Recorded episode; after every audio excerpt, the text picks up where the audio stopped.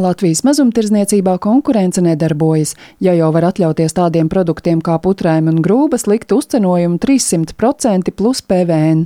Apmēram tā pirms vairākām dienām izteicās zemkopības ministrs Digis Šmits no apvienotā saraksta. Latvijas pārtiks tirgotāju asociācija šādu informāciju uzskata par maldinošu. Piecenojums esot vidēji 24 līdz 27%, pauda asociācijas vadītājs Noris Krūzītis. Tas ir vidējais bet eh, Šmitakungs runā par viena produkta. Un parasti skatoties uz vienu produktu, uzcenojumi var būt dažādi, bet šajā gadījumā minot, ka tas attiecināms uz visām pirmās nepieciešamības precēm, vispārinot. Un arī nosaucot 300, nu tā, mums tādas informācijas nav. Tas, manuprāt, maldina sabiedrību. Ministrs no saviem vārdiem atteikties negrasās, jo viņa rīcībā esot informācija, kas to apstiprina. Tā gan nesot publiskojama, pirms uzcenojumu apmērus atklāt nav gatava pati Latvijas pārtiks tirgotāju asociācija.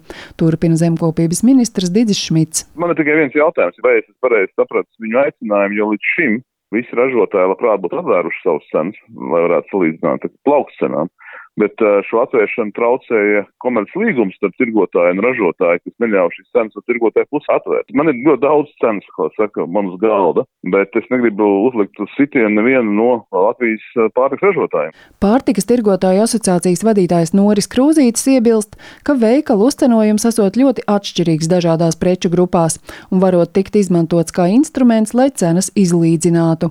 Šādi iegūto naudu arī nevarot uzskatīt par tīro pēļņu, jo arī veikalu veikaliem ir dažādi izdevumi. Jāmaksā darbiniekiem algas, jānorēķinās par apsardzi, par elektroenerģiju un tam līdzīgi. Latvijas pārtiks uzņēmumu federācijas vadītāja Ināra Šure gan drīzāk piebalso viedoklim, ka veikalu uzcenojums ir milzīgs. 20 lielāko ražotāju peļņa ir mazāka kā viena tirgotāja peļņa absolūtajos ciparos, un to mēs esam apmēram aprēķinājuši. Tāpēc runāt par procentuāli tas nav nekas, tas ir vienkārši arī maldināšana, ka tikai tur var būt pusotra, divi procenti. Mēs esam strādājuši mīnusā ilgus gadus arī.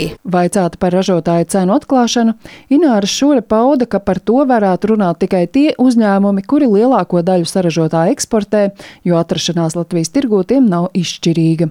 Pārējo klusē novēršot, bet pēc pārtiks uzņēmuma federācijas datiem piecenojums ir lielāks nekā Nora Krūzīša nosauktais vidējais. Piecenojums svārstās no 30 mazāk, mēs godīgi sakot, tā kopumā nezinām, līdz 90-100% reāli.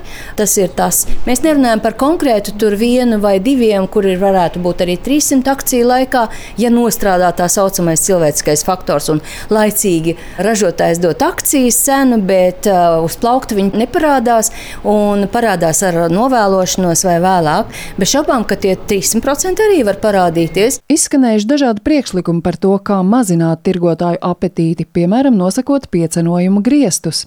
Taču ilgadējā konkurences padomas vadītāja, tagad sēmas deputāta Skaidrīta Ābrama no partijas progresīvi aizrāda, ka iejaukšanās brīvajā tirgo ar dažādiem regulējumiem var izraisīt arī nevēlamas sekas. Mums ir piemērs regulēšana, kaut vai tā pati farmācija, kompensējumi medikamenti, jā, bet mēs eh, arī konkurences padomē veicām tirgus izpēti un konstatējam, ka tas piecenojuma metodika ir radījis, ka mums ir dārgākie, ļoti daudz dārgākie medikamenti Baltijā. Cenu regulācija nav efektīvs veids, tā parasti cenu paaugstina, norādīja Skaidrīta Ābrama.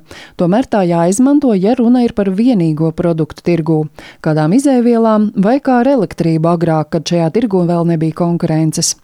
Ierobežojot piecenojumu pārtikai, tirgotāji netieši tiktu mudināti vēl vairāk iepirkt vislētāko, ko saražo Lietuvā vai Polijā, nevis Latvijas preci. Zana Eniņa, Latvijas radio.